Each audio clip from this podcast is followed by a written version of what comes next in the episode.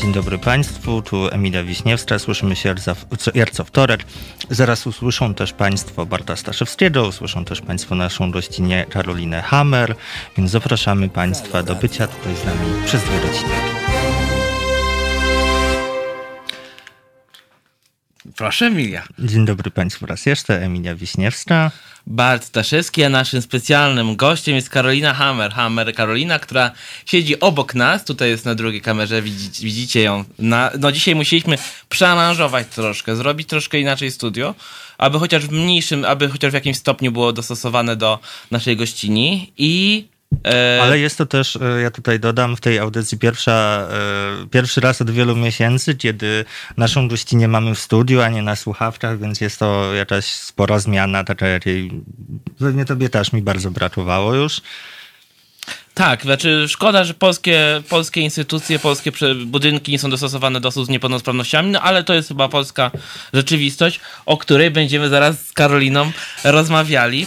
E, może w kilku, no trochę jest tak dziwnie, no bo musimy być trochę częściowo bokiem do Karoliny, no ale tak to wygląda. Zaraz postaramy się nad tym podumać, jak to zrobić, żeby było dobrze. E, Karolina Hammer, polska pływaczka paralimpijka, laureatka wielu prestiżowych nagród. E, nagród, które mógłbym długo wymieniać, ale też nie o to chodzi, bo jest też aktywistką na rzecz osób z niepełnosprawnościami, głośnym głosem osób z niepełnosprawnościami. Miała też epizod polityczny i o tym będziemy za chwilę rozmawiali. E, Karolina, jak się dzisiaj masz? Mam się bardzo dobrze. Trochę, trochę jestem zmęczona, bo od wczoraj się nic nie zmieniło i dalej Halo Radio jest na piątym piętrze. No właśnie, piątym, no tak, bo to jest stara kamienica, tutaj trzeba się doczłapać. Nie ma e, windy. Czy to jest rzeczywi- taka że, że rzeczywistość wielu osób z, pełno nie, z niepełnosprawnościami?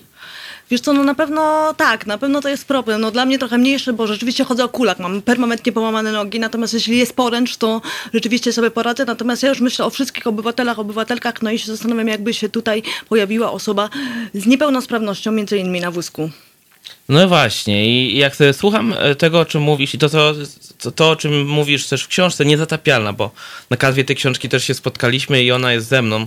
E, to jest wywiad e, przeprowadzony przez Karolinę Domagalską. Tutaj tą książka jest, ona jest też do kupienia. Mam nadzieję, że widać. Widzicie ją, tą książkę fantastycznie. Z tą oto osobą, którą też widzicie teraz na ekranach. Karolina Hammer to myślę sobie o tym, że e, Polska nie docenia sportowców, e, którzy wygrywają na paraolimpiadach, którzy w ogóle biorą udział w paraolimpiadach. Jeszcze przypominam sobie, co w 2012 roku powiedział Korwin. E, jak myślisz, z czego to wynika? Co o tym myślisz? No myślę, że wynika to z nieświadomości. Ja pamiętam w 2012 roku, jak mm, w wiosce paraolimpijskiej w Londynie siedziałam, usłyszałam um, słowa Korwina Mikke sobie pomyślałam, który powiedział, że Igrzyska Paralimpijskie to są jak szachy dla debili. A tak naprawdę jest to sport y, profesjonalny, wyczynowy. Igrzyska Paralimpijskie, szanowni państwo, odbywają się na miesiąc y, po Igrzyskach Olimpijskich na tych samych, y, na tych samych obiektach. W związku z tym no, to jest jakiś e, rodzaj nieporozumienia. I ta książka też jest trochę o tym, o łamaniu stereotypów i o tym, jak można i trzeba iść pod prąd wbrew wszystkiemu. Więc ja sobie pomyślałam, no stary, to tak się nie będziemy bawić. No i w 2016 roku rzeczywiście doprowadziłam do transmisji Igrzysk Paralimpijskich w telewizji publicznej. Pewnie było to trochę prostsze niż teraz, no ale udało się. Ja tak sobie też o tym myślę, że na ile pamiętam tamtą sytuację, no to ta wypowiedź Czerwina e, wtedy spotkała się z jakimś należnym oburzeniem, ale też myślę sobie, że łatwiej by pewnie było, gdyby takich wypowiedzi, gdyby takich wypowiedzi po prostu nie było. E, no masz ten sukces właśnie, o którym powiedziałaś, to doprowadzenie do transmisji, czyli takie pewne uwidocznienie e, paraolimpiad, które gdzieś tam chyba bardzo często pozostają takie trochę zapomniane, niezauważane, prawda?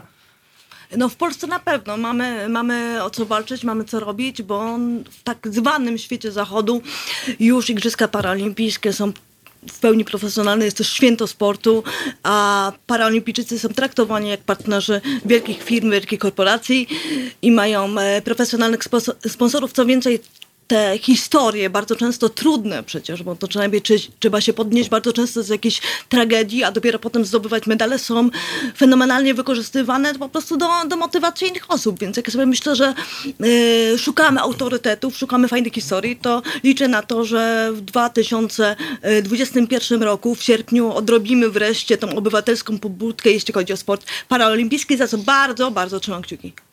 Zresztą ja sobie myślę, tutaj też słuchając tego, co mówisz, tak sobie pomyślałam, że sport to jest y, jakaś taka mm, działka powiedzmy społecznej aktywności, indywidualnej, ale też społecznej, jakiegoś takiego zbiorowego przeżywania jakiegoś wydarzenia, która pozwala pokazać różne osoby, prawda? W pewnym sensie nawet, um, przepraszam, jeśli to będzie takie górnolotne e, sformułowanie, um, stworzyć, pokazać bohaterów, jakieś osoby, e, które mają jakąś cechę, mm, a równocześnie zajmują się sportem. Tak się akurat składa, że mają taką cechę i że są zawodowymi, czy bardzo dobrymi po prostu na miarę olimpijską e, sportowcami i sportowczyniami. Mhm. Ja bym nawet, wiesz co, dodała, że wybitnymi i, i to jest bardzo istotne, dlatego że w sporcie paraolimpijskim my podlegamy tym samym klasyfikacjom. Czy najpierw powiedzmy ktoś jest, nie wiem, mistrzem Śląska, później mistrzem y, Polski, potem cały rok trenuje, czeka na ogłoszenie tej kadry paraolimpijskiej, więc no, to, to jest rzeź i to jest taka rzeź, której tak naprawdę nie wiadomo, czy to się wydarzy, czy nie. W związku z tym również jeszcze finansowanie jest bardzo istotne. No na razie mamy wielkie zamieszanie, bo y, ministra mm, sportu w 2012 roku wtedy Joanna Mucha górnolotnie zrównała y, nagrody dla paraolimpijczyków i olimpijczyków, natomiast problem polega na tym, że żeby otrzymać y, mini, stypendium ministra sportu, Y, w Polsce trzeba mieć przynajmniej 12 osób startujących, tak samo jak na Igrzyskach Olimpijskich, a wiemy, że tych paraolimpijczyków, czy osoby z niepełnosprawnościami, a przypomnę, że niepełnosprawność nie jest żadną przyjemnością, jest mniej, więc tutaj ten współczynnik i powiedzmy niedopatrzenie lub, lub powiedzmy wprost, po prostu głupota spowodowała to, że 85% paraolimpijczyków zostało bez pieniędzy. Więc mamy taką sytuację, że wyobraźcie sobie, pracujecie rok na coś, i przez ten rok wam nikt nie zapłacił, a do tego jeszcze musicie szukać sponsorów, żeby ścigać się na świecie z najlepszymi kolegami, kolegami koleżankami, przeciwniczkami, przeciwnikami. Yy, więc no to jest rzeź. Także mam nadzieję, że to się bardzo szybko zmieni. Ja jestem takim ambasad ambasadorem, ambasadorką yy, tych zmian i nie chciałabym być tylko znakiem tych zmian, ale chciałabym po prostu pożyć w tak zwanym normalnym świecie w cudzysłowie. Tak jak słucham ciebie i tego, co czytałem w książce o tym, o tej prostej walce na dworcu, gdzie nie wiadomo, gdzie jest ta winda, gdzie wszystko jest źle, e, czy, e, czy właśnie ta historia związana z tym, jak ciężko jest uzyskać dofinansowanie i tak samo taki, taki zwykły ludzki szacunek, który należy się sportowcom, to, to zastanawiam się, czy czego wynika y, to, to, to, głębiej w Polsce? Czy to wynika z tego, tak jak na przykład pamiętam, jak długo, długo lobbowałem za tym, żeby był ten tłumacz migowy mhm. e, we wszystkich, e, na wszystkich konwencjach, u wszystkich kandydatów i to się zdarzało, jak komuś wyszło, to wyszło, jak nie, no to mhm. przecież nie mogliśmy znaleźć tłumacza PJM. Co dla mnie było tak karygodnie denerwującym mnie, że odmawia się jakiejś grupie ludzi Dokładnie. uczestniczenia w demokratycznym wyborze, jakim jest no, wybory prezydenckie czy parlamentarne. I teraz mhm. myślę o tym, e, jak to się dzieje, że, że, że, że w Polsce są sportowcy lepsi i gorsi. Mhm. No, wiesz co, pewnie odpowiedzi na to pytanie jest e, mnóstwo. Ja jednak e, zajmę się, ustosunkuję się na dzień dobry e, właśnie do sytuacji osób głuchych i słabo słyszących. Jak sprawdziłam te statystyki, rzeczywiście to jest miażdżące i tutaj będę bezwzględna i powiem kilka niemiłych słów do organizacji tak zwanych prawno-człowieczych, które mm, szumnie mówią o prawach człowieka, a tak naprawdę mm, bardzo wiele organizacji, robiąc nawet jakieś spoty, jakieś materiały, nie pamięta ani o napisach, ani o tłumaczu migowym. No i jeszcze jedna bardzo ważna rzecz, chciałabym, żebyśmy zapamiętali to do końca życia, że nie każda osoba y, głucha umie czytać. W związku z tym ten tłumacz jest bezwzględnie potrzebny. To nie jest tak, że my sobie na szybko zrobimy napisy i nie ma problemu. W ogóle wiesz co, jestem zszokowana, bo osób y, głuchych i y, słabosłyszących jest milion. Jak sobie to policzymy politycznie na głosy, a zabrakło bodaj 400 tysięcy, żeby tak zwana strona demokratyczna wygrała wybory, no to widzę, że jest Ale dużo wiesz, do roboty. Tak sobie myślę o tym, że przecież to politycy tak niby w matematykę powinni potrafić, zwłaszcza w słupki procentowe poparcia, ale przecież to nie tylko osób, e, z, którzy są głu- głusi albo na przykład z jakimś rodzajem niedosłyszenia, Mhm. e, też są, nie, a tak jakby nie kierują w nich stronę przekazu, a też są na osób LGBT. Tak. E, w 2018 roku e, ujawniłaś się jako osoba biseksualna e, i też aktywnie działasz tyle, ile możesz, e, też na rzecz osób LGBT. I sobie myślę, czy nie za dużo tego? W sensie ciebie jest wszędzie, pełno, bo ty starasz się działać.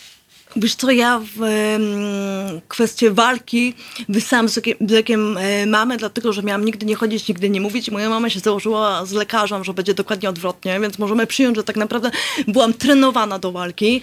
E, Na początku to była rehabilitacja do siódmego roku życia, no później już w wieku 17 lat to był taki naprawdę hardkorowy trening, najpierw raz dziennie, potem dwa razy dziennie, potem trzy razy dziennie, bo dochodziła, dochodziła siłownia, więc e, ja to biorę, wiesz co, jak taką wielką misję. Jak już mi się zdarzyło tyle dyskryminacji, to chcę coś fajnego z tym zrobić, a poza tym, wiesz, to, że jestem kobietą, to, że jestem z niepełnosprawnością, to, że jestem e, sportowczynią, e, powoduje też to, że wiem o czym mówię. Wiem, jak to jest być dyskryminowanym, wiem, wiem jak to jest e, harować non-stop i nie mieć kasy. W związku z tym chcę zrobić coś fajnego, rzeczywiście, a myślę, że mm, taką fajną rzeczą jest to, że studiowałam socjologię, więc y, tutaj jakby wszystko się zazębia. Natomiast nie mam, y, nie mam czegoś takiego w sobie, że to muszę być ja. Ja bardzo bym chciała, żeby, żeby do mnie dołączali kolejne, kolejne osoby z niepełnosprawnościami, kolejne kobiety z niepełnosprawnościami i aktywnie tego szukam, bo z przyjemnością sobie też usiądę. Natomiast jak jestem na akcji, wiesz, jestem sygnalistką z, z całą świadomością po prostu, bo tak będę wytykać, tak będę zwracać uwagę, tak będę robić projekty na miarę XXI wieku, żeby one rzeczywiście były w praktyce dla wszystkich, a nie tylko w teorii. Nie, tak, jeszcze takie, takie pytanie mi, mi kieruje się w głowie. Co cię najbardziej wkurza w Polsce? przyzwolenie na przemoc, y, obojętność jest przemocą i takie przyzwolenie na taką byle jakość. Po prostu dopóki się ktoś nie przypieprzy, to nam jest po prostu wszystko jedno. A ja jestem uczona tego, zresztą sport mnie tego nauczył, że po prostu róbmy wszystko na maksa. Jak nam wyjdzie na 90%, to wtedy to są standardy mm, światowe. Natomiast my, my się tego uczymy i mam, na, mam wrażenie, że jesteśmy na takim momencie dziwnym, że, jesteśmy, że, że jesteśmy jakąś hybrydą, bo ja na przykład bardzo dużo podróżowałam po Ameryce Południowej i tam mój system kompletnie nie działa. Kompletnie, ale ludzie sobie pomagają. Tam jest tak, że jak jest 10 osób, to 8 osób y, na 10 spotkanych przypadkiem ci pomoże. No a u nas to wygląda trochę inaczej. No ale walczymy. No. Wiesz, to jest tak, że świat y, zmieniają jednostki, głęboko w to wierzę. To tak samo było z Solidarnością, ze wszystkimi ruchami, tak naprawdę, że to było tak kilka osób, a dopiero potem dołączyły kolejne, no i ta fala potem przychodziła, więc y, śmieję się, że mamy co zrobić. E, Ja tak tutaj sobie pozwolę, propos tego, co mówisz, że mamy co zrobić, jeszcze e, porozmawiamy o tym z tobą aż do 21. Mamy dzisiaj dużo czasu. E, Teraz Państwa na chwilę puścimy na muzykę, ale też ja przypomnę Państwu w tym momencie, że tak jak sobie z Bartem tutaj rozmawiamy z Karoliną w studiu, to możecie też Państwo dołączyć do tej rozmowy, e, dzwoniąc pod nasz numer 22 39 059 22.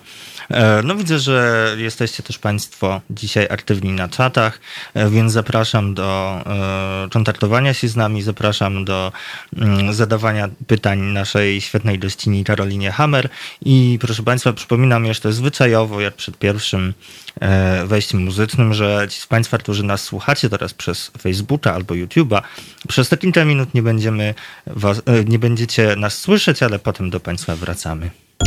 Słuchajcie powtórki programu. Halo Radio. Gadamy i trochę gramy.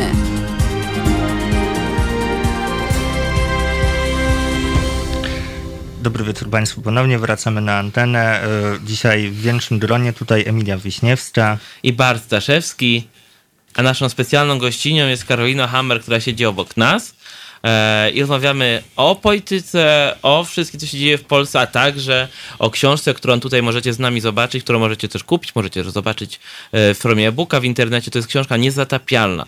E, no rzeczywiście niezatapialna. Właśnie, tutaj ja porobię za promotorkę. Karolina, jakbyś mogła trochę mm, powiedzieć o tym, jak można tą książkę teraz dostać, bo ja się doczepałam do informacji, że no ona sobie już jest tutaj w e-booku, ale że jeszcze jakaś chwila z wydaniem papierowym. Jak, jak wygląda dystrybucja tej książki, gdzie ją można teraz zdobyć?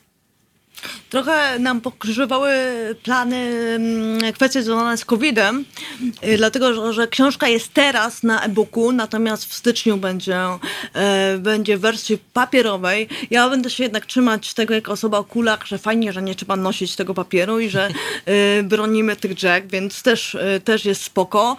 Natomiast rzeczywiście bardzo możliwe, że w styczniu pojawią się, mm, pojawi się bonus i pojawi się jakiś nowy rozdział do wersji papierowej, no ale to już nie chcę zapeszać, bo to też będzie decyzja Karoliny Domagalskiej, bo książka jest nasza wspólna. To znaczy to jest tak, że Karolina Domagalska mnie przepytuje, czołga po dnie oceanu, a ja po prostu czasami płaczę, czasami się śmieję i na to wszystko odpowiadam. I tam też jest fajna rzecz bardzo, y, że Karolina Domagalska dopełnia tą książkę swoimi przemyśleniami.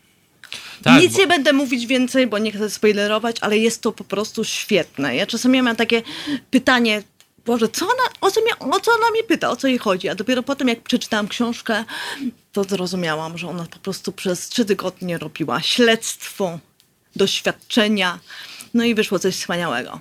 Książka jest o wielu naprawdę rzeczach, bo jest i, i koszykówce, i właśnie o pływaniu, i o twojej walce, e, i o aktywizmie, i o seksie.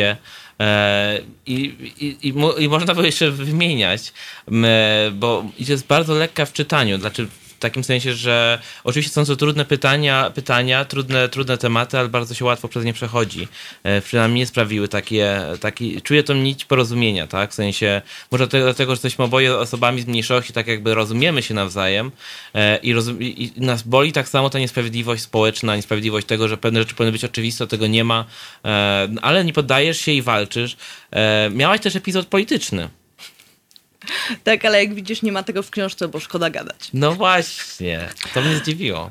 To może, może gdzieś tam nie jest to coś, czym się musimy teraz zajmować, bo ja też widziałam, że w różnych wywiadach z tobą oczywiście o to pytanie paść musi, więc tutaj, może tutaj nie musi. Okej, znaczy, ty, ty, pytajcie, pytajcie, dzwońcie, pytajcie. Robert ja Biedroń, słuchajcie, tak, szanowni państwo, pytamy o Roberta Biedronia. E, Karolina, jak to było z tym Robertem Biedroniem?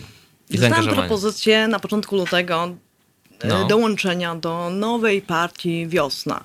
Nigdy na szczęście nie odebrałam żadnego paszportu, legitymacji i tym podobnych. Paszportu no i proszę. mniej więcej po dwóch tygodniach okazało się, że mamy te same wartości, tylko że Robert Biedroń wyznaje je teoretycznie, a ja w praktyce. W związku z tym bardzo szybko żeśmy się pożegnali. Yy, No ale została mi potem yy, fajna przyjaźń z Sylwią Spurek, która kilka tygodni potem zrobiła dokładnie to samo i jako jednostka fenomenalnie walczy w, e, w Parlamencie Europejskim na bazie e, swoich doświadczeń o prawa kobiet, o prawo zwierząt, o prawa mniejszości i do udowadnia to, że jak się chce, to się da. No właśnie, i też ona zapisała dedykację tutaj z tyłu książki. Sy- Sylwian Spurek to jest... w- Łączy ci jakaś szczególna więź, w sensie chyba się świetnie dogadujecie. Ona też mówi w, na, w naszym języku e, w parlamencie i ja też mam bardzo podobne odczucie, jeżeli chodzi o nią. E, A niestety nie, nie smak po wiośnie, to chyba też kolejna rzecz, która nas łączy. E, tak, zdecydowanie. E, Myślisz, z czego wynika, e, tak wchodząc trochę w temat polityki, tak? E, Z czego wynika porażka lewicy w Polsce? E, Myślę, że to nie jest lewica, to jest tak zwana lewica. To są te takie osoby lewitujące, które by trochę coś chciały, trochę rozumieją o prawach człowieka, ale tak generalnie to by najchętniej siedziały w telewizji albo przed mikrofonem opowiadając o sobie, jakie są świetne, więc e, no, jest dużo do zrobienia. Czy myślisz, że czy te kwestie właśnie związane z osobami LGBT, czy właśnie z osobami z jakimś rodzajem niepełnosprawności leżą na sercu lewicy? No myślę, że niekoniecznie. Albo inaczej, y, one są na transparentach y, w momencie, kiedy lewica dołącza do protestów y, obywatelskich, natomiast w praktyce no, wygląda to bardzo, bardzo średnio.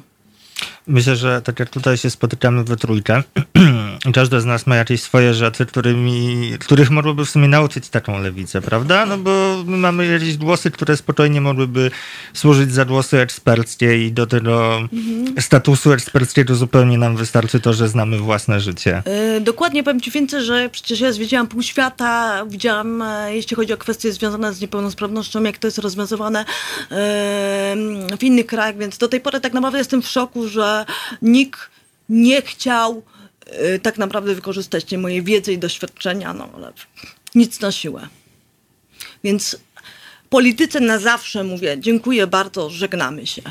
Ale polityka myśli o nas cały czas, to jest też inna kwestia. W sensie, rozumiem, co masz na myśli, że to w, w, aktywną politykę nie chcesz wchodzić, ale to ona ciągle, ona sobie przypomina za każdym razem, kiedy e, też jak czytałem twoją książkę i to przemawia strasznie do mnie, jak mówiłaś, nie wiem, czy to bezpośrednio tak powiedziałeś, ale taka gdzieś puenta mi się pojawiła w głowie, że osoby z niepełnosprawnościami nie oczekują współczucia. Osoby z niepełnosprawnością, jakimś rodzajem niepełnosprawności, oczekują po prostu wyrównania tych szans, tak, żeby mieli dostęp do tych samych możliwości, co osoby bez tych e, niepełnosprawności. E, I tylko tyle i aż tyle. E, no dokładnie, bo wiesz, no to jest, to jest niepełnosprawność, to to jest tak, wiesz, e, bardzo walczyłam też o to, żeby zmienić ten język mm, e, z jakby dialogu społecznego, bo przecież z niepełnosprawnościami to oznacza z niebieskimi oczami, z, nie wiem, e, z dużym nosem. To jest jedna z Karoliny Hammer, to jest ta niepełnosprawność, czyli te permanentnie połamane, e, poła- połamane nogi, ale mówmy się, że to też jest fajne alibi, no bo przecież jakbym się teraz spóźniła 15 minut, to byście nic nie powiedzieli, nie? A ja bym po prostu wyszła 15 minut za późno do domu, więc e, z domu, więc pozy, pozytywy też są. Natomiast mówiąc już na chwilę poważnie, to mam wrażenie, że niestety to, to wyrównywanie szans trzeba cały czas tłumaczyć, bo ja pamiętam, że na proteście osób z niepełnosprawnościami tłumaczyłam właśnie dziennikarzom, że słuchajcie, wy jak macie wypłatę, macie mm, swoją kasę, to mm, nie musicie łatać swojej niepełnosprawności. To znaczy na przykład, Bart, ty mm, jak gdzieś idziesz, jesteś y, w stanie powiedzmy dużo przejść, jesteś w stanie zaoszczędzić na taksówce na przykład, a ja jako osoba z niepełnosprawnością ruchową Nie w stopniu znacznym nie dobiegnę, muszę wziąć taksówkę, więc najpierw muszę mieć na taksówkę i dopiero potem y, jak załatam tą niepełnosprawność, to mogę myśleć o, y, o wakacjach, o o jakichś przyjemnościach, a przecież tych niepełnosprawności jest mnóstwo i im, ba, im bardziej osoba z większą niepełnosprawnością, tym większe wydatki. W związku z tym jest bardzo też ważne, żeby, żeby po prostu nie było mm, kwestii progu dochodowego, jeśli chodzi o osoby z niepełnosprawnościami. Tak powoli wchodzimy właśnie w te kwestie, które, które leżą ci na sercu. Co jeszcze poza tą, tą kwestią progu e, powinno być zmienione w Polsce? Czy wiesz co, to, tego tak naprawdę jest e, mnóstwo, bo to w zależności od e, niepełnosprawności. Ja to myślę, że to przede wszystkim jest też tak edukacja, tak? Że, że my rzeczywiście jesteśmy różni, e, różne, ale to też jest fajne, piękne i możemy się e, wzajemnie, wzajemnie tego uczyć. Ja mam wrażenie, że stoimy u progu takiej rewolucji, jeśli chodzi o same osoby z niepełnosprawnościami, nie? Bo to, to jest tak, że nikt, nikt o ciebie się nie upomni, jeśli ty e, sam, sama tego nie zrobisz w momencie, kiedy ciebie to dotyczy. Więc mam, mam e, nadzieję, że za chwilę się zacznie taki początek e, rewolucji wielkiej. Więc oprócz tego, mm, tej świadomości, tego dodatku kompensacyjnego bez, do, bez progu dochodowego, to w zależności od niepełnosprawności to też to też jest e, gdzieś tam opieka wytchnieniowa, to też jest przede wszystkim olbrzymia e, edukacja w stosunku do rodziców, żeby po prostu nie upupiali e, tych osób z niepełnosprawnościami, bo jak mam 18 lat i mam połamane nogi, to dalej mam 18 lat, a nie 4, tylko dlatego, że mam połamane nogi. Oczywiście mówię tak bardzo kolokwialnie, natomiast większość niepełnosprawności naprawdę nie powoduje tego, żeby, żeby gdzieś tam ten rozwój intelektualny, psycho, psycho, e, eduk, e, psychoseksualny jest em, nie wiem, troszkę opóźniony, on idzie w innym kierunku, więc Jak mówisz o bardzo tej, opie- ważne to jest. o tej opiece wytchnieniowej, to mi się przypomina to, co mówiłaś o relacji z twoimi rodzicami, którzy byli trochę zmęczeni e, tym, że codziennie, czy nie czy codziennie, ale wieczorami jeździłaś na, te, na tą pływalnię, trzeba było cię o tej 20 zawieźć, e, oni ciągle nie mieli tego czasu, bo przychodzili z pracy, chcieli mieć chwilę dla siebie, a ty znowu ten sport, a ty znowu ten sport. E, Przynajmniej twój tata, tak jak Tak, mówisz. tak, tak. E, I myślę o tym, że to jest mega chyba istotne, tak? Że jeżeli już musi, musi w jakimś stopniu polegać na rodzicach. Czyżbyśmy mieli telefon? O. Słuchaj, mamy telefon, więc przygotuj się. Pani Karolina Hammer. Halo, dzień dobry. O, Dzień, dzień dobry, dzień dobry Pani Karolino. Ogromnie dobry, dzień dobry. podziwiam, trzymam kciuki za wszystko. Mam na imię Katarzyna, jestem nauczycielką y, wiejską i właśnie wywołała mnie Pani słowami o, o, o, tym, o tej niepełnosprawności, o równych szansach i opowiem o, o takiej sytuacji. Mamy zupełnie nową sytuację w szkole. Jest dziewczynka z protezą mowy, jednocześnie jest to dziewczynka z autyzmem, jest w klasie drugiej podstawówki. Proteza mowy to jest taki laptopik, tak dla tych, co słuchają może, y, gdzie wciska się po prostu obrazki i to mówi za tą dziewczynkę i ona dzięki temu może się komunikować na temat swoich zabawek, zainteresowań. Jest lubiana w klasie, y, jest, y, no, no, no świetnie się czuje, już no jest super, tylko no wiadomo, ona nie, nie osiąga tych samych su- sukcesów w tym samym tempie. I co ją czeka? Czeka ją w trzeciej klasie jakieś tam zdanie, będzie musiała po prostu być na równi. No i to jest takie idiotyczne, bo y, właściwie ona daje bardzo dużo sobą innym dzieciakom. One, one po prostu uczą się po pierwsze y, współistnienia z człowiekiem, który używa dużo wyższej technologii, prawda? No bo ten mówik, no to to jest po prostu y, kosmos tutaj na wsi. Mm, Więc mm, no i teraz czekają po prostu takie, taka odpytka w trzeciej klasie. No durnota totalna. No to także chciałam też jakby taki głos, żeby to dostosować wymagania Mhm. w szkołach, żeby otworzyć drogę dla tej naszej y, dla tej naszej rodalki, żeby ukończyła normalnie podstawówkę z, kole, z koleżankami i kolegami, nie? To świetny pomysł, świetna uwaga, że stosuje się te same standardy, e, a, a zupełnie nie, nie, nie rozumie się też potrzeb e, dzieci, które mają ten, ten rodzaj niepełnosprawności, a funkcjonowałyby Jakby- zupełnie normalnie. Tak, i żeby po prostu, żebyśmy otworzyli do licha oczy, że ona swoją osobą y, rozszerza perspektywy kolegów i koleżanek z jej klasy. Ona, ona w tej chwili tak już umie mm, zastąpić sobie tą mowę, tą technologią, że kto wie, czy właśnie takie osoby nie będą przełożonymi kiedyś tych dzieciaków. Kurczę. A To, co chcemy- powiedziała Karolina o tym, że łata No. się te pewne e, niepełnosprawności właśnie tą nowoczesną technologią w tym przypadku i umożliwia Tak. się im ten równy start, ale nadal no, system jest totalnie nieprzygotowany, tak? I nakłada pewne tru- utrudnienia, trudności, że no, tak jak pani mówi, że no, no, musi być tam jakaś przepytka jeszcze z tego materiału, do, do, dociśnięcie do końca. A Rozalka sobie świetnie to wyrówna tą technologią w przyszłości. To po co ta cała diabelska odpytka, prawda? Super. No to właśnie, to jest Dzięki. takie No, no. próba od sztorca wsz- wszystkich, co jest dla mnie dość zabawne. E, No i głęboko się, z- się z tym nie zgadzam. No i rzeczywiście, jak sobie o, o pani myślę, to przede wszystkim myśl, y, czuję wielką czułość, bo jak pani mówi o dziewczynce i o dzieciakach, to wykonaliście wspólnie super robotę. Czasami wbrew, wbrew wszystkiemu. W związku z tym e, bardzo trzymam kciuki i Dzięki, myślę, dzięki. że będą się działy wielkie rzeczy i one już się dzieją, bo tak naprawdę Też tak myślę, ta autentyczność, naprawdę. ta różnorodność, To jest pokazywanie, że my właśnie Tak. decydujemy nad tym, jaki ten świat będzie i że ta Tak. różnorodność jest fajna, jest piękna. Ja, ja proponuję jest. jeszcze pisać do kuratorium, pisać do ministerstwa, Dokładnie. apelować, nie być cichym, mówić do mediów, że taka sytuacja jest, że to wymaga reformy, żebyśmy po prostu... Właśnie dlatego zadzwoniłam. No, Od świetnie. razu. Bardzo dobrze, trzeba sygnalizować. Jasne. Tak, myślę, że Dziękuję. e, Tak. media Dziękujemy. są wielką potęgą i trzeba z tego korzystać. Jeszcze raz dziękujemy Pani Karolina. Dziękujemy Dziękuję bardzo. bardzo, pozdrawiamy dzieciaki i panią. Dziękuję. Mi tutaj pani Katarzyna tak nasunęła jedną myśl, przez jedno słowo właściwie, którego użyła i też sobie myślę, znaczy ty Karolina najwięcej możesz o tym powiedzieć oczywiście, ale też sobie myślę, bo w tej wypowiedzi pani Katarzyny padło słowo wymagania.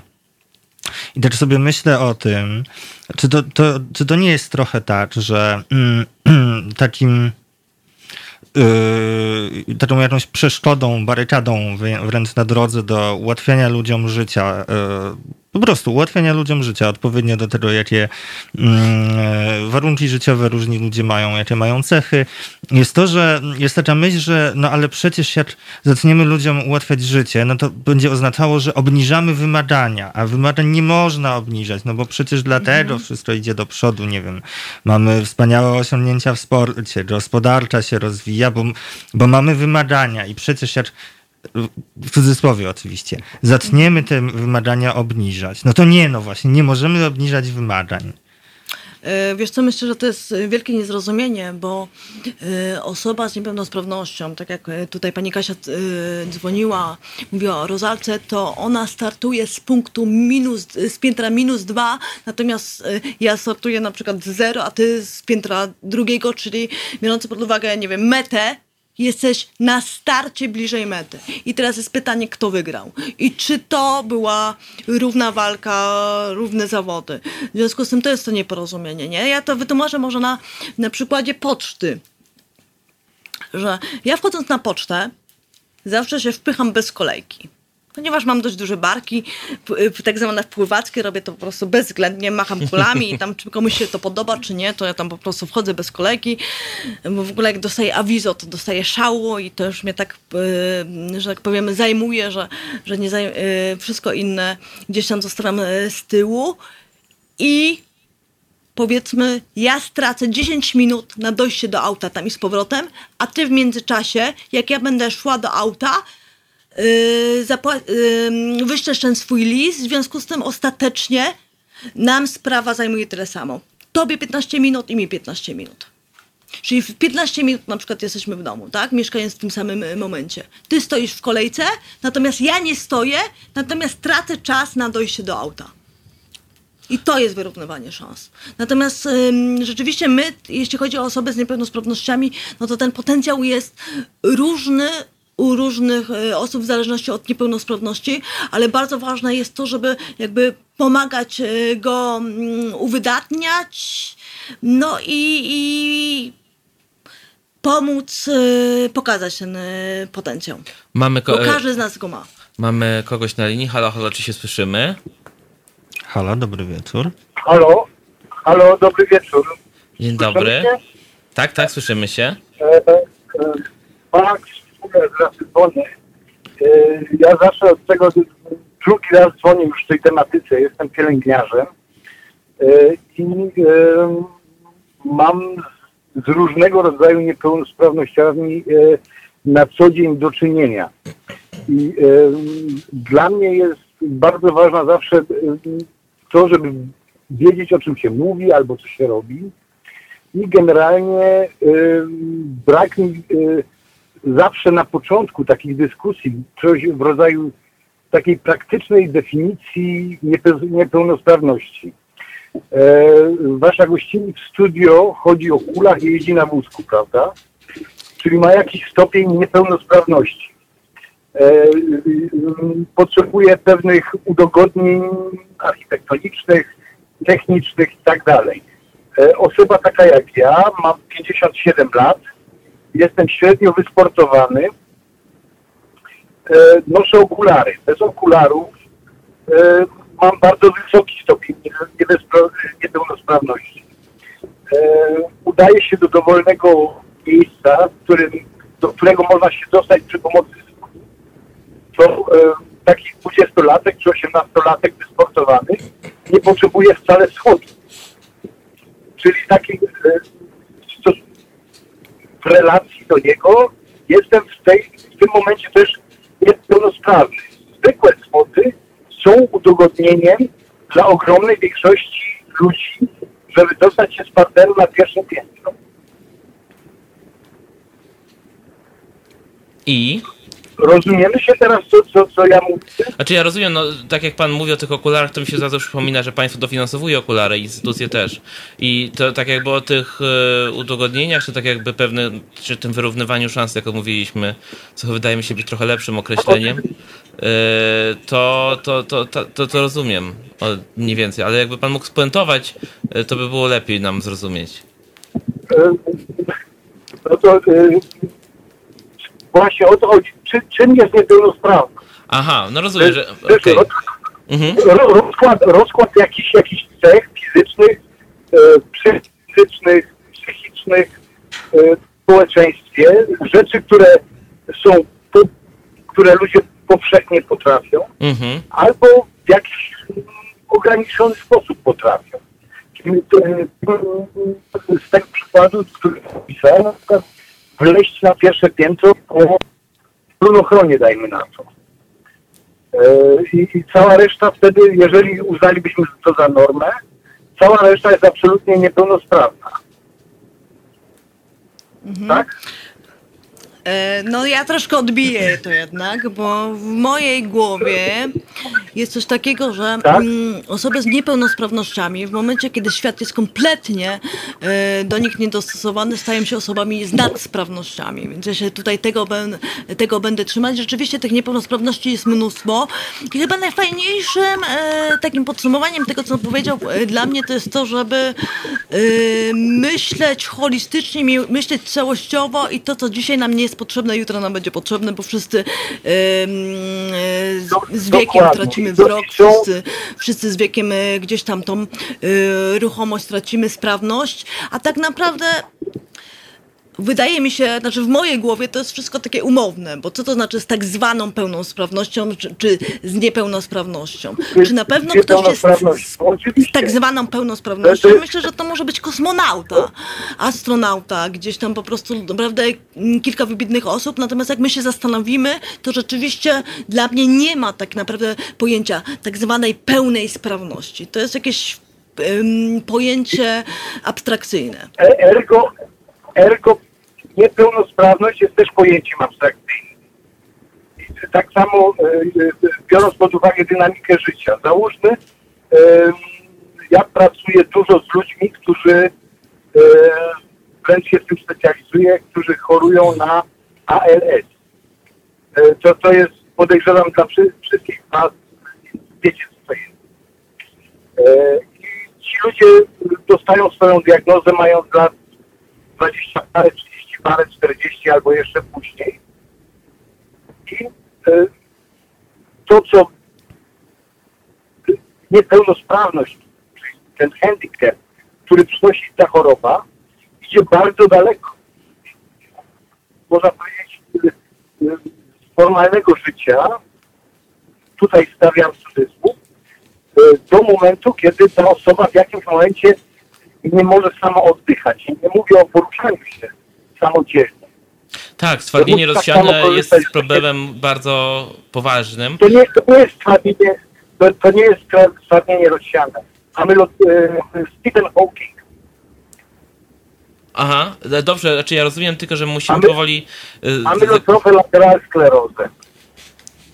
Musimy też... I, e, Ja myślę, że to jest bardzo trudne, ludziom- dlatego że tych niepełnosprawności po prostu jest mnóstwo i dlatego też jako obywatele z niepełnosprawnością jesteśmy tak pięknie rozgrywani przez, e, przez e, stronę rządzącą. E, Panie Marcie, O, dzie- o, dziękujemy otóż panu, to.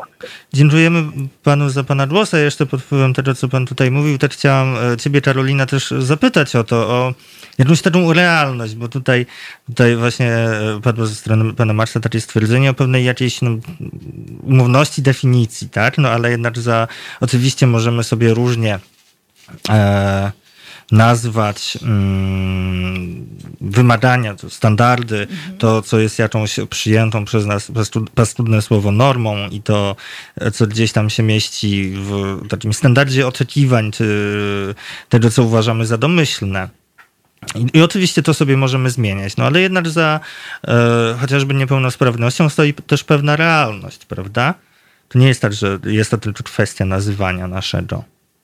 Czy przede wszystkim e, wracając do jakby słownictwa, to taki bardzo, bardzo jestem za podmiotowością, więc przede wszystkim e, ja bym zapytała danej osoby po prostu jak chce być, no, jakby jak to czuje i wtedy ona ma tą, e, na, e, ma tą decyzyjność w sobie, bo to przecież chodzi o podmiotowość, tak, że, że o sprawach związanych z kobietami mówią kobiety, o sprawach związanych z niepełnosprawnością mówią osoby z niepełnosprawnościami, o sprawach związanych LGBT. W pierwszej kolejności mówimy, e, mówią osoby e, LGBT+, a dopiero potem sojusznicy, więc naprawdę możemy sobie filozofować, ale ja jestem e, raczej taką osobą, która po prostu schodzi z komórki i działa. Może zaprosimy słuchaczy i słuchaczki na, na przerwę, Emilia? Myślę, że A, mamy 5 minut. tak, mamy No jeszcze to 5 minut, więc jeszcze, jeszcze 5 minut przed nami. Mm, Ja bym do- tylko może tak dodał a propos tego, co też jest newsem, bo widzę, że tam rozgorzała Tak. dyskusja na ten temat w komentarzach. Emilia byś zaproponowała. E, Tak, bo też oprócz tego o tym rozmawiamy, to tu Państwu podrzucimy informację, którą tutaj jak wchodziliśmy, zresztą to studia Bart mi e, zdążył sprzedać. E, Piszecie też Państwo o tym do nas na czacie.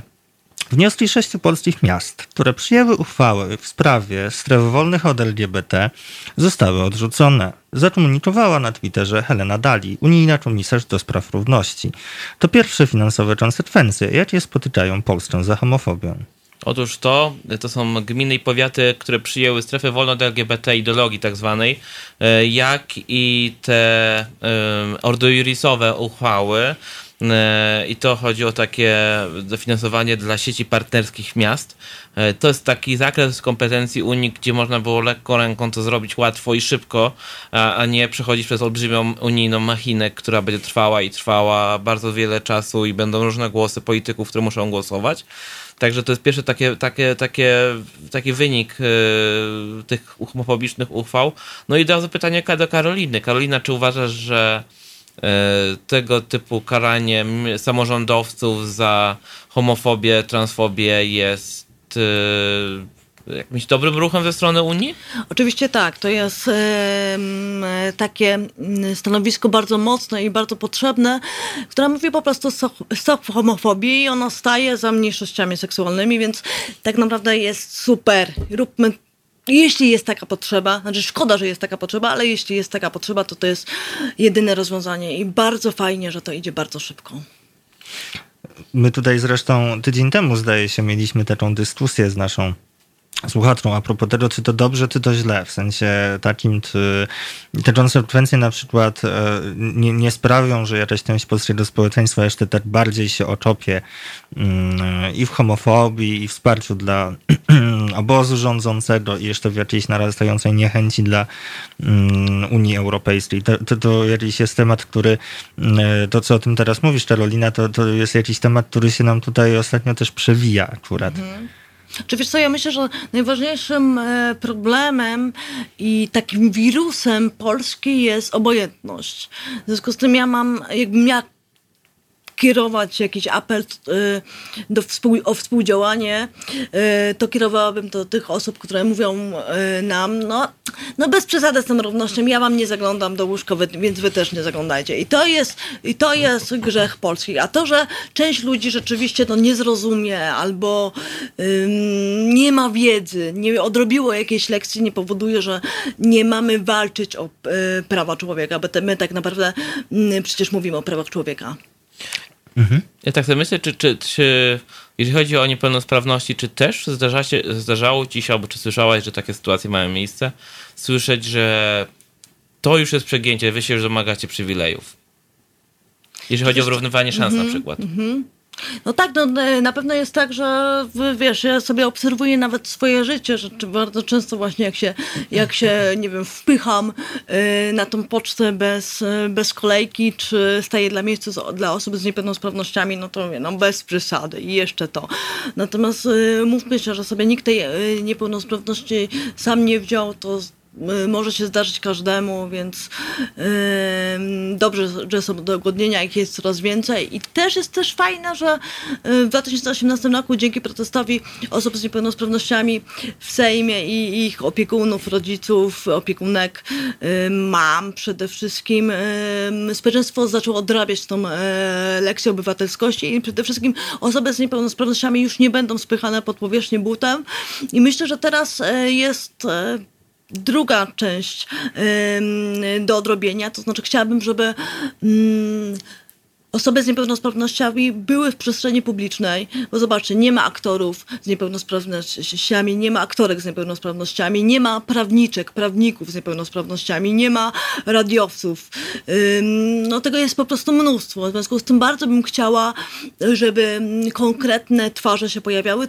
Też jeśli chodzi o sport paraolimpijski, bo przecież mówi się, paraolimpijczycy, paraolimpijczycy zdobyli mm, 37 medali, dwa razy więcej, trzy, trzy razy więcej niż olimpijczycy. No ale to nie, zro, nie zrobiły krasnoludki, tylko ktoś na tym rok y, harował, pracował, y, miał swoje lęki, y, swoje zwątpienia i to wszystko pokonał. Więc tak, będę bezczelnie wpychać osoby z niepełnosprawnościami y, do przestrzeni publicznej i będę w tym absolutnie bezwzględna. Ja ci jeszcze będę chciała trochę o tą przestrzeń publiczną w różnych aspektach e, podpytać, co, co sądzisz na temat e, mm, tego, jak osoby z niepełnosprawnościami mogą się w tej chwili odnajdywać w przestrzeni publicznej, no powiedzmy, że w Polsce. Natomiast to już, e, już tak po 20 może. Mm, jeszcze zanim teraz Państwa zostawimy znowu na chwilę z muzyką, to jeszcze chcę Państwu przypomnieć o możliwości wspierania nas tutaj w Halo Radiu. Ym, Wspierania, dzięki któremu możemy się słyszeć i dzisiaj na przykład mieć taką e, rozmowę e, z Karoliną Hammer, w której możecie Państwo uczestniczyć, w której możecie się Państwo przysłuchiwać. Ym, Zachęcamy Państwa do wspierania nas na przykład stałymi wpłatami. E, A tą rozmowę e, będziemy kontynuować już za chwilę, po, po 20. Tymczasem e, umienimy Państwu kilka minut kawałkiem metaliki Nothing Else Matters. To jest powtórka programu.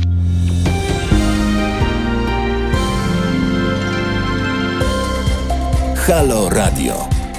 Pierwsze medium obywatelskie.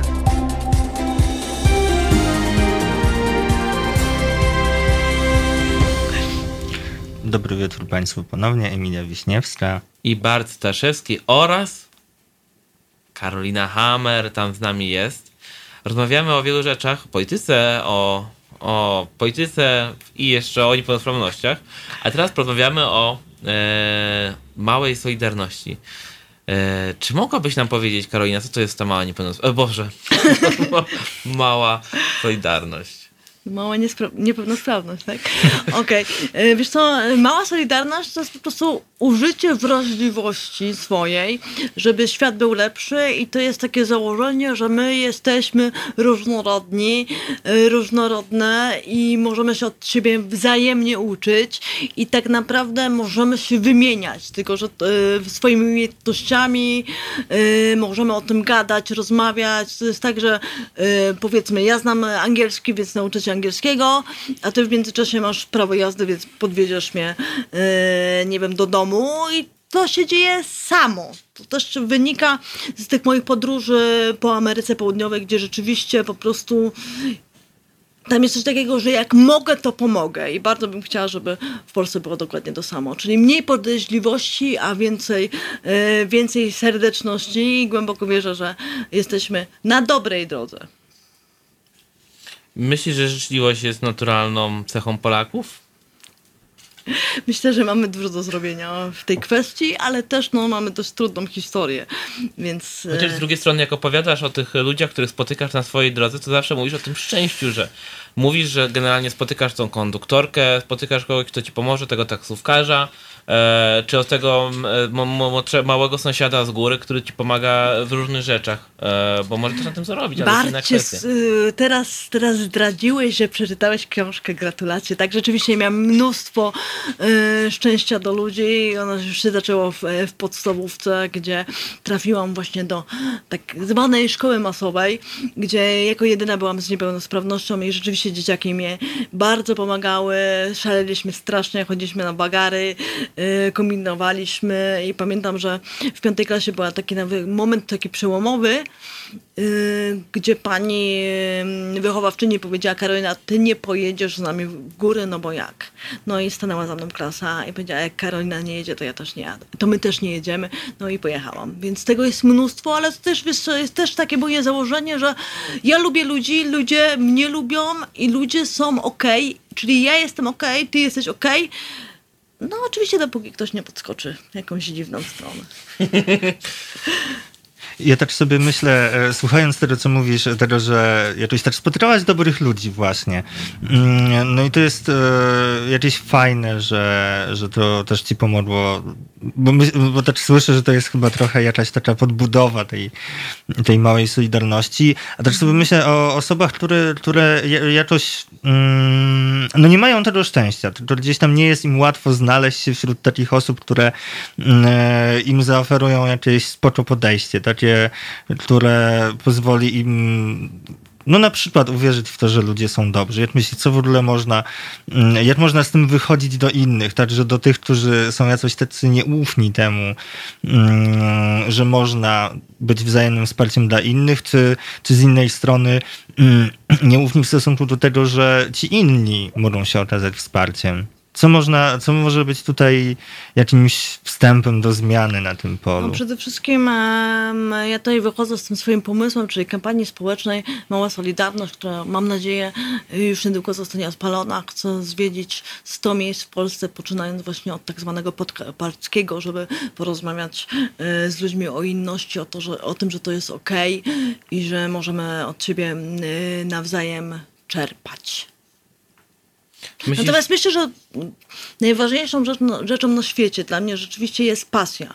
Dla mnie takim kręgosłupem to było to pływanie. To pływanie uwielbiałam, kochałam i chciałam to robić. W związku z tym zawsze na mojej drodze pojawiły się osoby silne, które też miały mm, gdzieś tam swoje marzenia, swoje, mm, swoje pasje. Między innymi przecież chłopaki z Paktopaniki, gdzie latami żeśmy się przyjaźnili.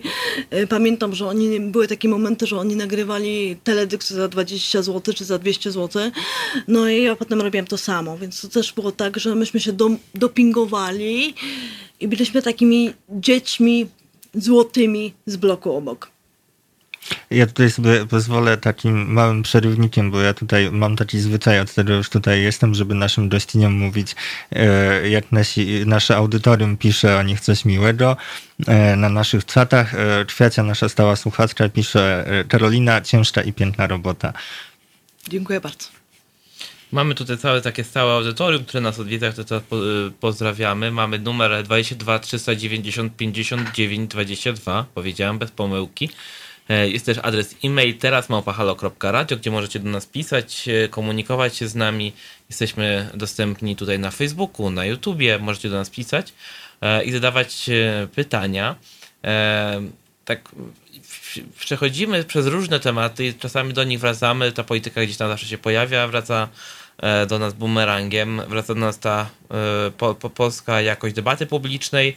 E, Czy myślisz, że mamy teraz reprezentantów, godnych reprezentantów lub reprezentantki e, osób z niepełnosprawnościami e, właśnie w debacie publicznej? Czy może tego brakuje? Zdecydowanie e, brakuje. Mam nadzieję, że e, to się zmieni i ja też będę o to aktywnie walczyć. Bo rzeczywiście jest Janina Ochojska, jest Marek Plura, ale to są osoby już starsze, bardzo doświadczone, bardzo mądre. No ale mamy rok 2020, w związku z tym ta nowa fala jest bardzo potrzebna i mam nadzieję, że ja jako pływaczka również dołożę do tego swoje trzy grosze. W 2018 roku skończyłaś karierę e, pływacką, ale czy to oznacza, że stałaś się jakoś mniej aktywna? Bo to w 2018 rok to był bardzo ważny dla ciebie rok, tak? Tam się wydarzyło bardzo wiele rzeczy. No tak, e, przede wszystkim e, zmarła moja mama po czterech miesiącach e, ciężkiej choroby, której się nikt nie spodziewał, więc nie tylko straciłam pracę, albo pozbawiłam się pracy, zrobiłam coming out, ale przede wszystkim przeszłam przez ten proces żałoby, ale przyznaję bez bicia, że ja lubię sobie popłakać, nie, kompletnie się tego nie wstydzę, płacz jest okej, więc wyszłam z tego wszystkiego bardzo wzmocniona, więc jak sobie myślę, o tym, że jestem niezatapialna, to w 2020 roku nie tylko myślę o tym, ale też to czuję i to jest fenomenalne. To, znaczy, twoje życie nigdy nie było proste, e, ale tak jak też mówiliśmy, nie, nie oczekujesz współczucia, oczekujesz równych szans. E, jak myślę sobie o innych osobach, o takiej małej Karolince, która jest z jakiegoś innej, jakiejś innej miejscowości, trochę innymi szansami i możliwościami, która miała trochę mniej szczęścia na przykład, tak? E, to co, my, my jako zwykli ludzie możemy zrobić w takiej sytuacji? Nie wiem, bo to są też pytania często do osób LGBT. Jak my możemy was wesprzeć? To teraz z kolei ja zadaję pytanie, jak można wspierać osoby z niepełnosprawnościami, zwłaszcza tych, które mają mniejszą szansę na jakieś e, No przede wszystkim, jeśli chodzi o osoby z niepełnosprawnościami, to po prostu chcesz pomóc, zapytaj, bo to jest ta podmiotowość. Każda niepełnosprawność jest y, różna, ludzie też są różni. Przecież my jesteśmy od kształca. Osoby z niepełnosprawnościami mają poglądy prawicowe, y, są bardziej aktywne, mniej y, aktywne, lewicowe. To wszystko dzieje się tak, jak z osobami z tak zwaną pełnosprawnością, y, więc nie, jest tego mnóstwo, no ale przede wszystkim y, myślę, że musimy się wyzbyć wzajemnie pogardy. To znaczy tak zwani y, y, mieszkańcy miasta muszą przyznać, że są uprzywilejowani i wyciągnąć rękę do osób, które rzeczywiście nie miały tyle szczęścia, bo przecież nie mamy, nie decydujemy, gdzie się rodzimy, jaki mamy kolor skóry, jaką orientację seksualną, e, jaką płeć. To się wszystko dzieje, to jest takie koło fortuny.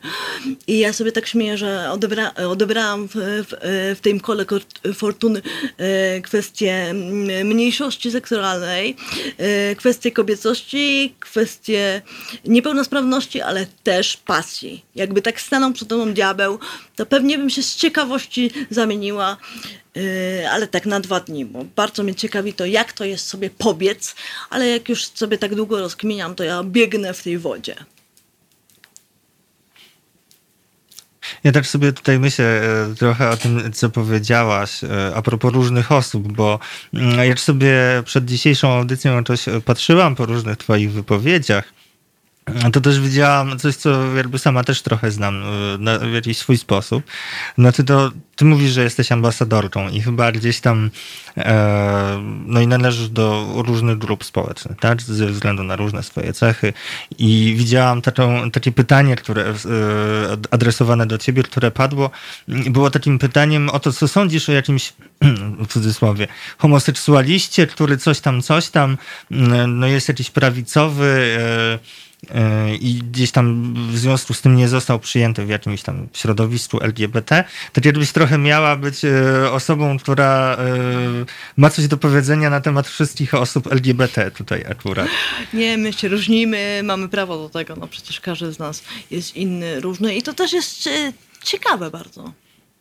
Czy fajnie, żebyśmy mieli też tą przestrzeń do tego, żebyśmy mieli na to, na, miejsce na to rozmowę i to, o czym mówiłaś wcześniej, żebyś e, żeby osoby z nie- niepełnosprawnościami miały swoich reprezentantów, reprezentantki, e, nie dwie osoby na krzyż, które są gdzieś tam ciągle w mediach, ale więcej, bo przecież jesteś ty, są inne osoby, które z pewnością też mogłyby coś powiedzieć, ale to już jest taka, też tak, tak działają też media, że wykorzystują kontakty stałe do stałych osób, które mają sprawdzone wypowiedzi, e, które udzielają tych, tych, tych, tych wywiadów i to też jest też niedola wielu osób też na tak, a przykład potem widocznych- mamy taką sytuację, że o, o e, kwestii aborcji e, w mediach e, wypowiadają się na przykład mężczyźni, sami mężczyźni.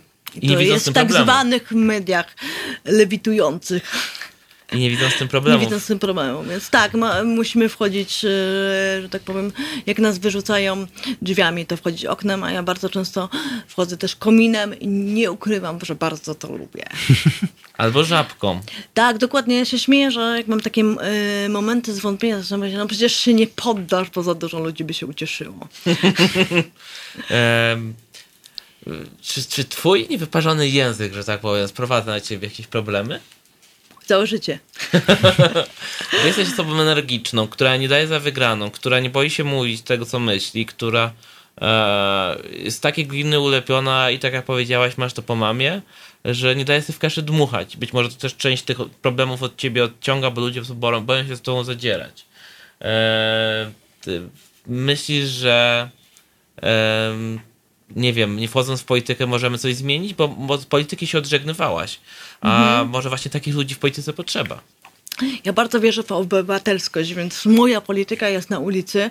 Na tej ulicy jest mała solidarność, bo za każdym razem jak ja wpadam też w jakieś terapaty, mam momenty ym, trudniejsze, to to siostrzeństwo bardzo dobrze działa i braterstwo, więc dziękuję za to.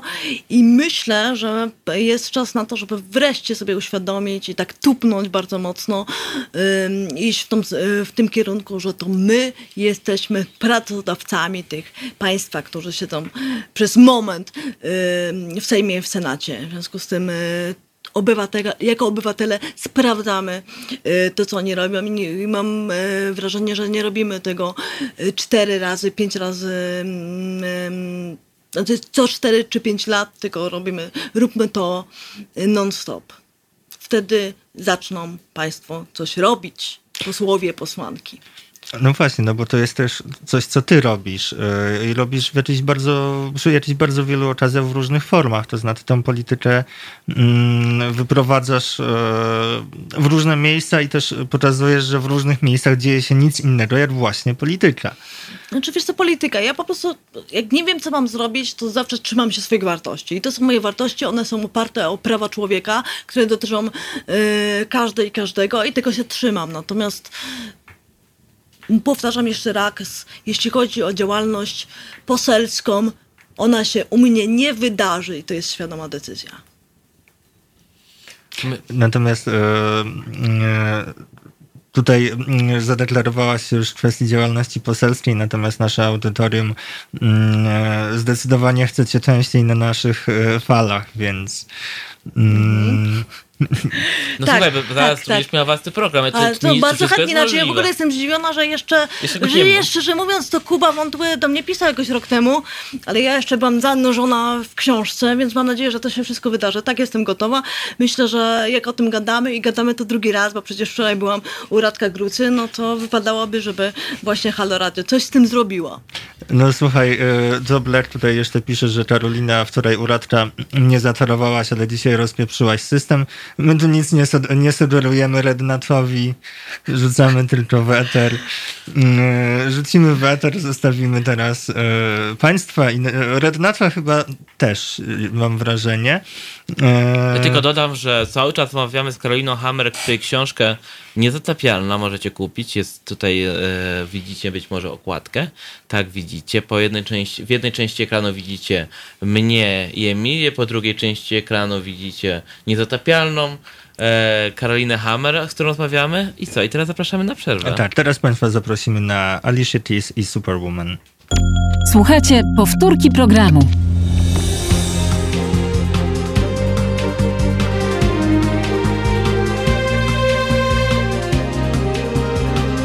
Halo Radio. Drodzy Państwo, wracamy na antenę. Emilia Wiśniewska. I Bart Staszewski z egzemplarzem Niezatapialnej, a z nami Niezatapialna Karolina Hammer. Dobry wieczór. Dobry wieczór, to nasze ostatnie wejście. To E, dobranoc.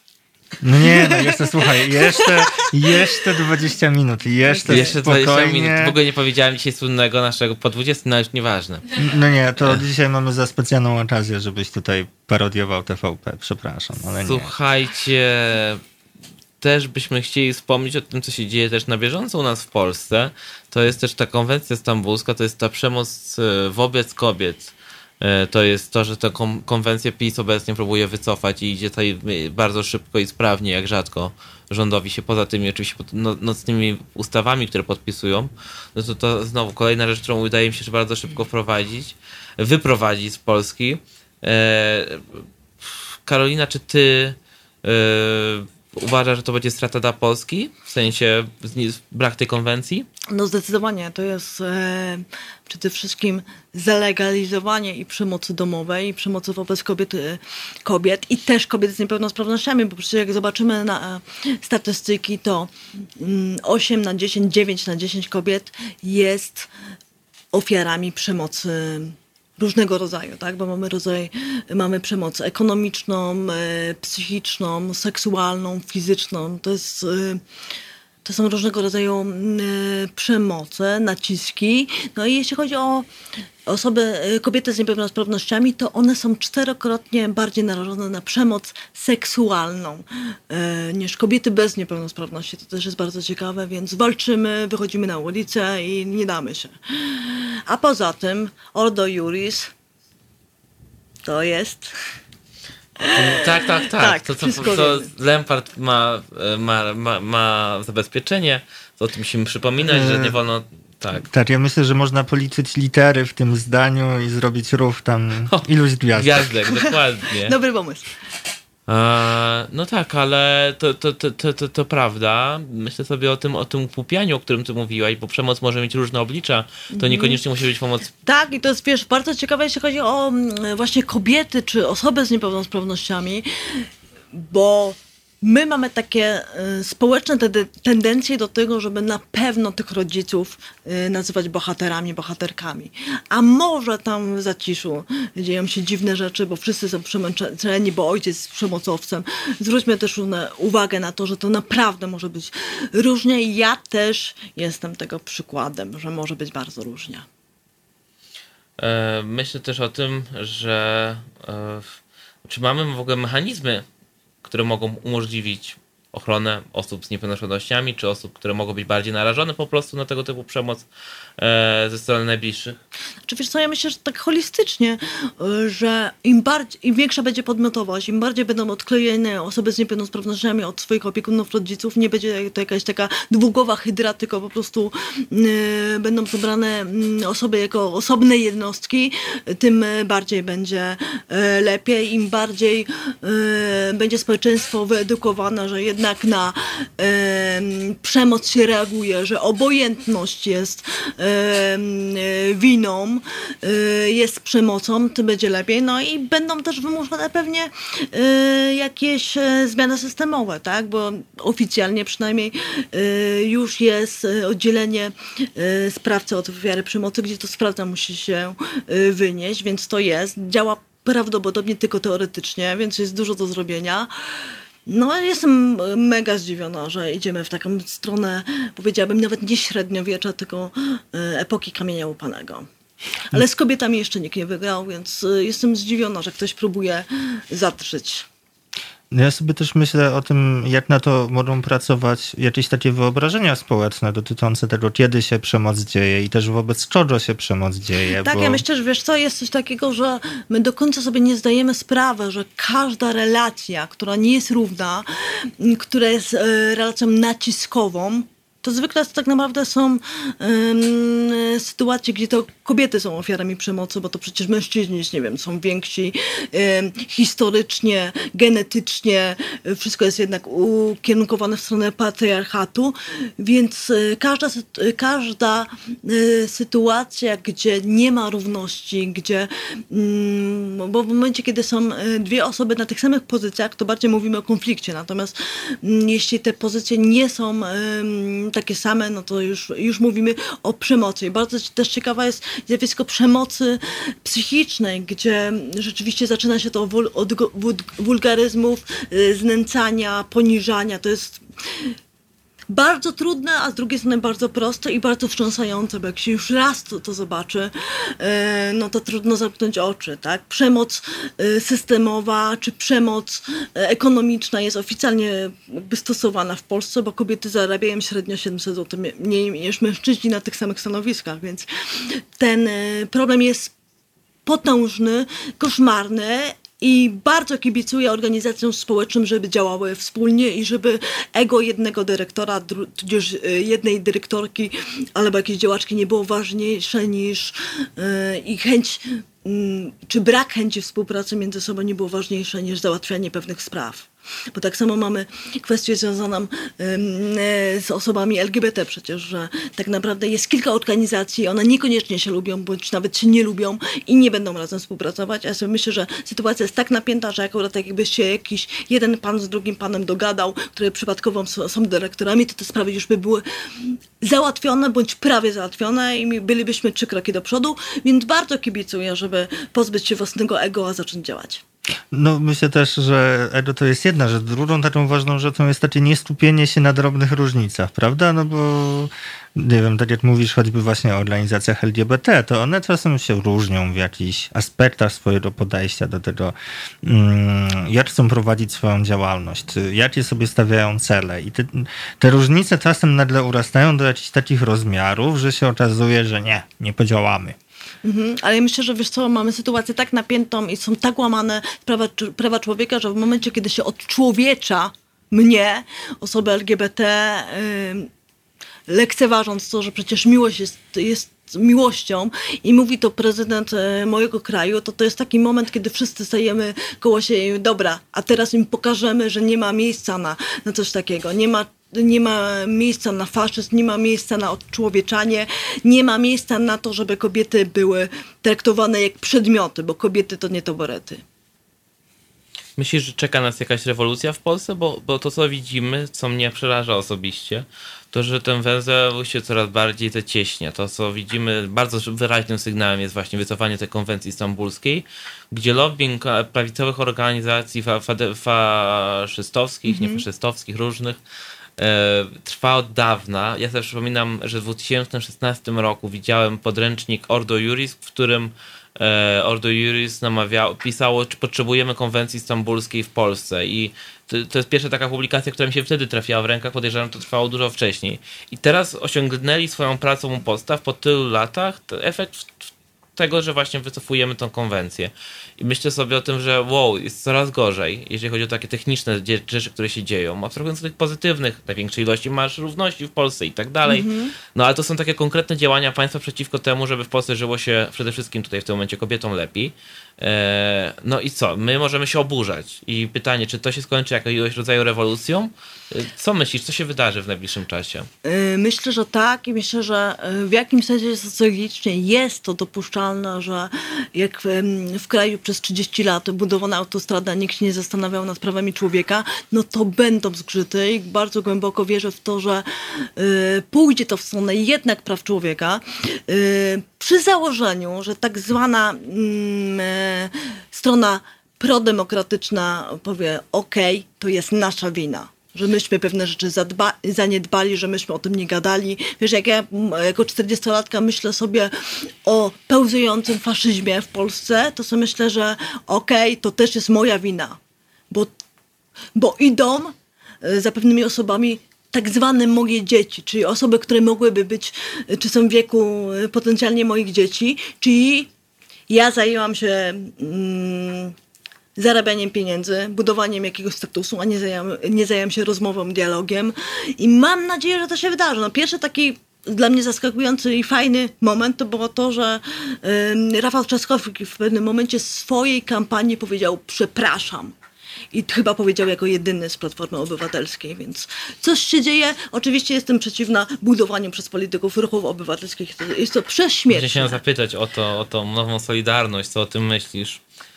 E, czyli myślisz, że to jest prześmieszne? Ja myślę, że politycy pow- e, powinni się zastanowić nad wartościami i bardziej szanować wyborców, bo na- naprawdę mamy coraz większą świadomość tego, co się e, dzieje, czytamy, dopytujemy, wychodzimy na ulicę, a nie robić sobie e, z nas jaj, bo wynajęcie dwóch PR-owców na, e, na kampanię prezydencką to jeszcze nie wszystko, więc jak widzę e, maszerującego trzy dni po wyborach Rafała Trzaskowskiego z Borysem Budką, które ogłaszają, że teraz będzie nowa Solidarność i oni budują e, ruch społeczny, Tak. to myślę, że ktoś sobie jaja zrobił.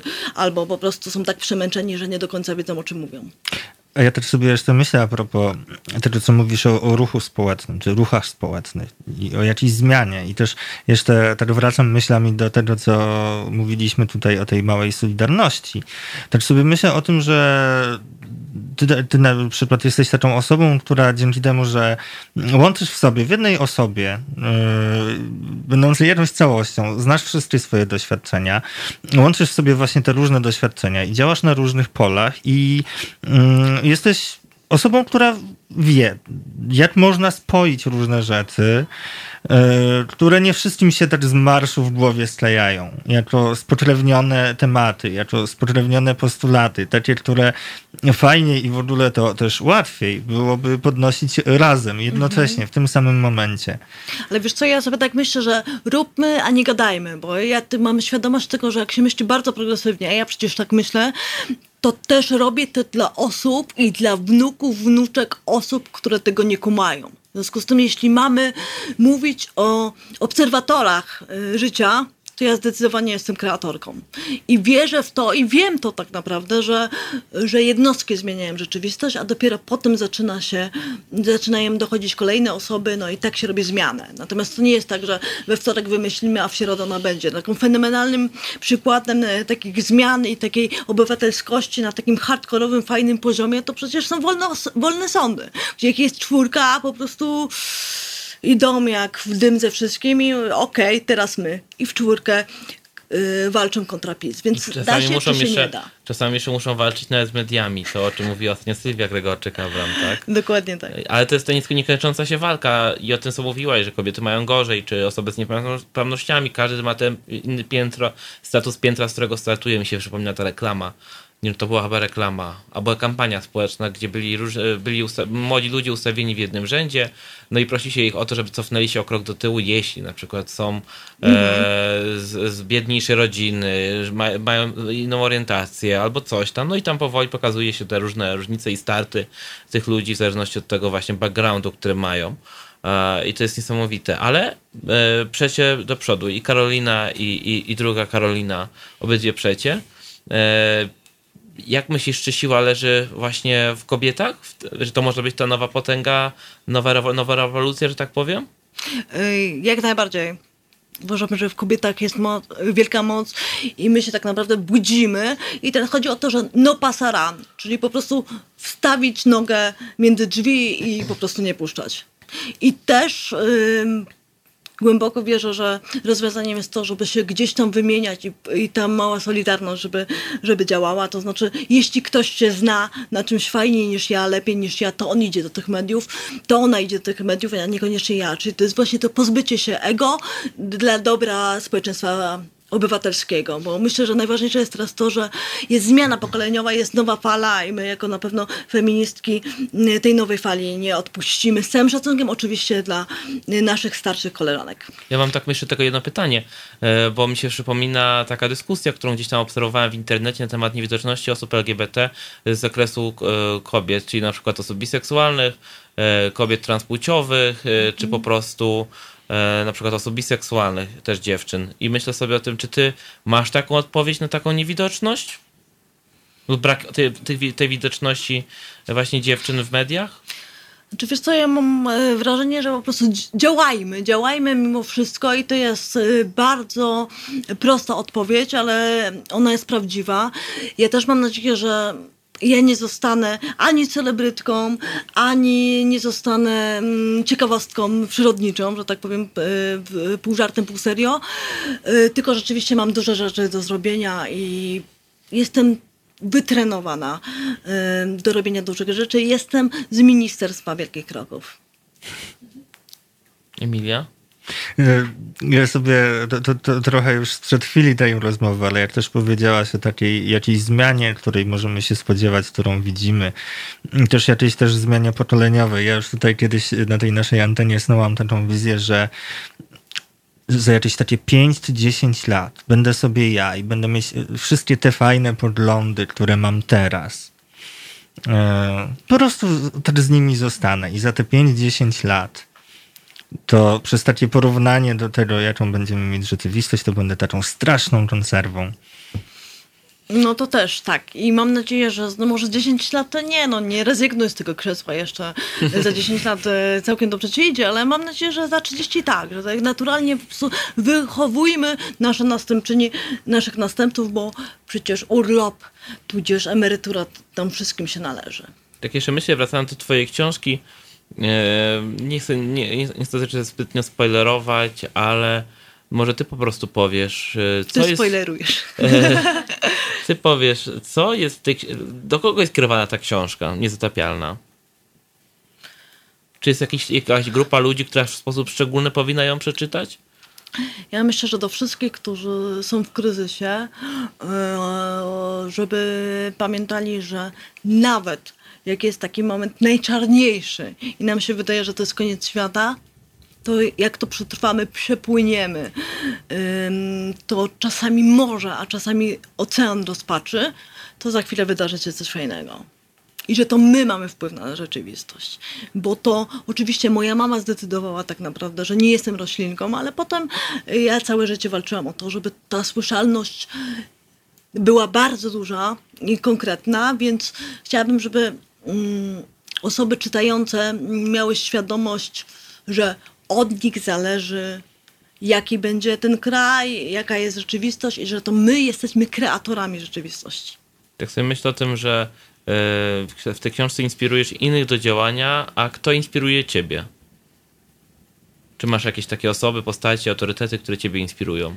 Wiesz co, przede wszystkim jak byłam młodsza, to strasznie byłam zakochana w koszykówce amerykańskiej NBA, więc to jest kolejny coming out, że wcale nie pływanie, że pierwsza była koszykówka i z tego się wzięło w ogóle tym pragnienie bycia najlepszą i szukanie te, tego profesjonalizmu przecież w sporcie, kiedy y, ten sport paralimpijski rzeczywiście gdzieś tam w Polsce dopiero yy, kiełkował, więc do tej pory jest tak, że rzeczywiście yy, odpalam biografię sportowców, sportowczyń, wielkich ludzi i to mnie yy, totalnie kręci, dlatego że w tych mm, wszystkich biografiach y, pojawia się jedna rzecz. Ci ludzie też w pewnym momencie nie mogli, ale się odrodzili. I ostatecznie byli niezatapialni, niezatapialne. Słuchaj, tak w ogóle zbliżamy się powoli, no już nawet nie tak całkiem powoli, mm, do końca tej audycji. No i tak przez te prawie dwie godziny zadajemy ci pytania, zadaję, zadają, zadaje ci pytania nasze audytorium. Mm, Tu też wiele, ty mówisz, wiele wątków podnosisz, które są dla ciebie ważne i tak e, te ostatnie minuty, to może jest czas, żeby e, właśnie najważniejsze dla mm, e, na koniec było to, co jest dla ciebie ważne, a nie to, co, o co my chcemy cię zapytać, o co nam się wydaje, że jest jakoś najważniejsze dla tej naszej rozmowy. Wiesz co, dla mnie najważniejsze jest to, żeby dalej trzymać się swoich wartości, bo to z tych wartości y, wynika ta autentyczność. Autentyczność daje moc, daje powera i daje niezatapialność. Jesteś jak huragan. Tak mówią. Różnie, różnie o mnie mówią. Także jeszcze raz możemy Was zaprosić do tego, żebyście zapoznali się z tą książką Niezatapialna, e, której e, Karolina Domagalska rozmawia z Karoliną Hammer e, wspólnie o wielu rzeczach, tak jak wcześniej mówiliśmy. Książka jest naprawdę przyjemna i to mogę Wam zagwarantować, że zobaczycie, ale też nie, no oczywiście są tematy tam trudne, co nie znaczy, że e, nie wciągające. Więc tutaj mogę Was zaprosić do tego, żebyście się z tą książką Niezatapialna zapoznali. E, Karolina, która jest osobą, która porywa, aktywizuje, działa na wielu frontach. Z pewnością jeszcze niejednokrotnie o niej usłyszymy, tego to jestem pewien. Być może nas będziemy mieli wspólny wyjazd w przyszłym roku z Karoliną, którym muszę się pochwalić. Tak, e, właśnie. Tutaj już kombinujemy, żeby coś wspólnego zrobić, czyli po prostu aktywizm razy 400. Bart Staszewski, Karina Hammer. Och, to to musi się- być wielkie. Ja, ja, ja to naprawdę Już nie mam. będzie z Ministerstwa Wielkich Kroków, tylko to będzie z Ministerstwa Największych Kroków. Gigantycznych jakichś, tak. E, To jest właśnie ta e, mała solidarność, solidarność, działanie wspólne, wymyślanie, nie gadanie, tylko działanie e, w różnych obszarach i tutaj też Państwa i tą panią, która do nas dzwoniła, wcześniej już nie pamiętam panią Katarzynę, bo Karolinę. Katarzynę, Katarzyna. która dzwoniła do nas i, i, i mówi, dzieli się właśnie e, sytuacją, która dotyczy jej e, najbliższego otoczenia, e, gdzie się okazuje, że czasami wystarczy tylko wychylić się za, za, za własny ogródek i zobaczyć sąsiadów, sąsiadki, którzy zmagają się z takimi problemami i od nas, ludzi uprzywilejowanych, zależy to, czy nie możemy im w jakiś sposób pomóc często, tak? Nadać sprawie bieg, zaapelować gdzieś, napisać, zadzwonić do Halo Radia, czy coś jeszcze zrobić Zareagować. po prostu działać, a nie tylko zostawiać z tym przemyśl- ze swoimi przemyśleniami, że no w sumie to, to kiepsko ta dziewczynka ma i, i, i pójść i wypić kolejną kawę, nie? No to trochę nie o to chodzi i dlatego y, tutaj znowu medium obywatelskie Halo Radio y, na takie głosy czekamy, piszcie, dzwońcie do nas, jak będziecie mieli jakiekolwiek pomysły, tematy, Y, my jesteśmy dla was y, i dla was tworzymy i dla was, dlatego żebyśmy mogli tworzyć, to też wspierajcie nas tak jak to robicie. Emilia? Tak, możecie, ja jeszcze tutaj przypomnę, możecie Państwo nas wspierać stałymi wpłatami na Halo Radio, możecie też Państwo wspierać zbiórkę na kampanię billboardową Halo Radia dotyczącą pozycji Kościoła w Polsce e, pod adresem, który zaraz zobaczymy www.zrzutka.pl ukośnik kampania. A ponieważ już się e, zbliżamy do końca i Ja chcę bardzo Państwu podziękować. Wszyscy tutaj po kolei teraz pewnie jakieś parę słów będziemy mieć. E, Chcę Państwu podziękować za tą dzisiejszą audycję, a Tobie, Karolino, e, za przyjęcie zaproszenia do nas, bo to była jakaś taka audycja, w której jakaś niesamowita ilość energii się tutaj uwalniała, mam wrażenie, i bardzo się cieszę z tego, e, że mieliśmy mieć możliwość e, przeprowadzenia tej rozmowy tutaj u nas w studiu i na antenie Halo Radia. Dziękuję bardzo, było mi bardzo miło. To była nasza wspólna energia, a nie tylko moja. No i jeszcze pozdrawiam wszystkich e, radiosłuchaczy, radiosłuchaczki. No i pozdrawiam Karolinę Domagalską, która wykonała super robotę, przeczołgając mnie e, po dnie oceanu, zadając trudne pytania do Bardzo niezatapialnej. Tak. E, jeszcze raz, niezatapialna Karolina Hammer, niezatapialna książka Karoliny Hammer i my, którzy dzisiaj tutaj rozmawialiśmy. Jeszcze raz e, wszystkim chciałem bardzo serdecznie podziękować za dzisiejszą audycję, e, którą prowadził Bart Staszewski i Emilia Wiśniewska i była w e, tej audycji świetną gościnią Karolina Hammer. Dziękuję bardzo.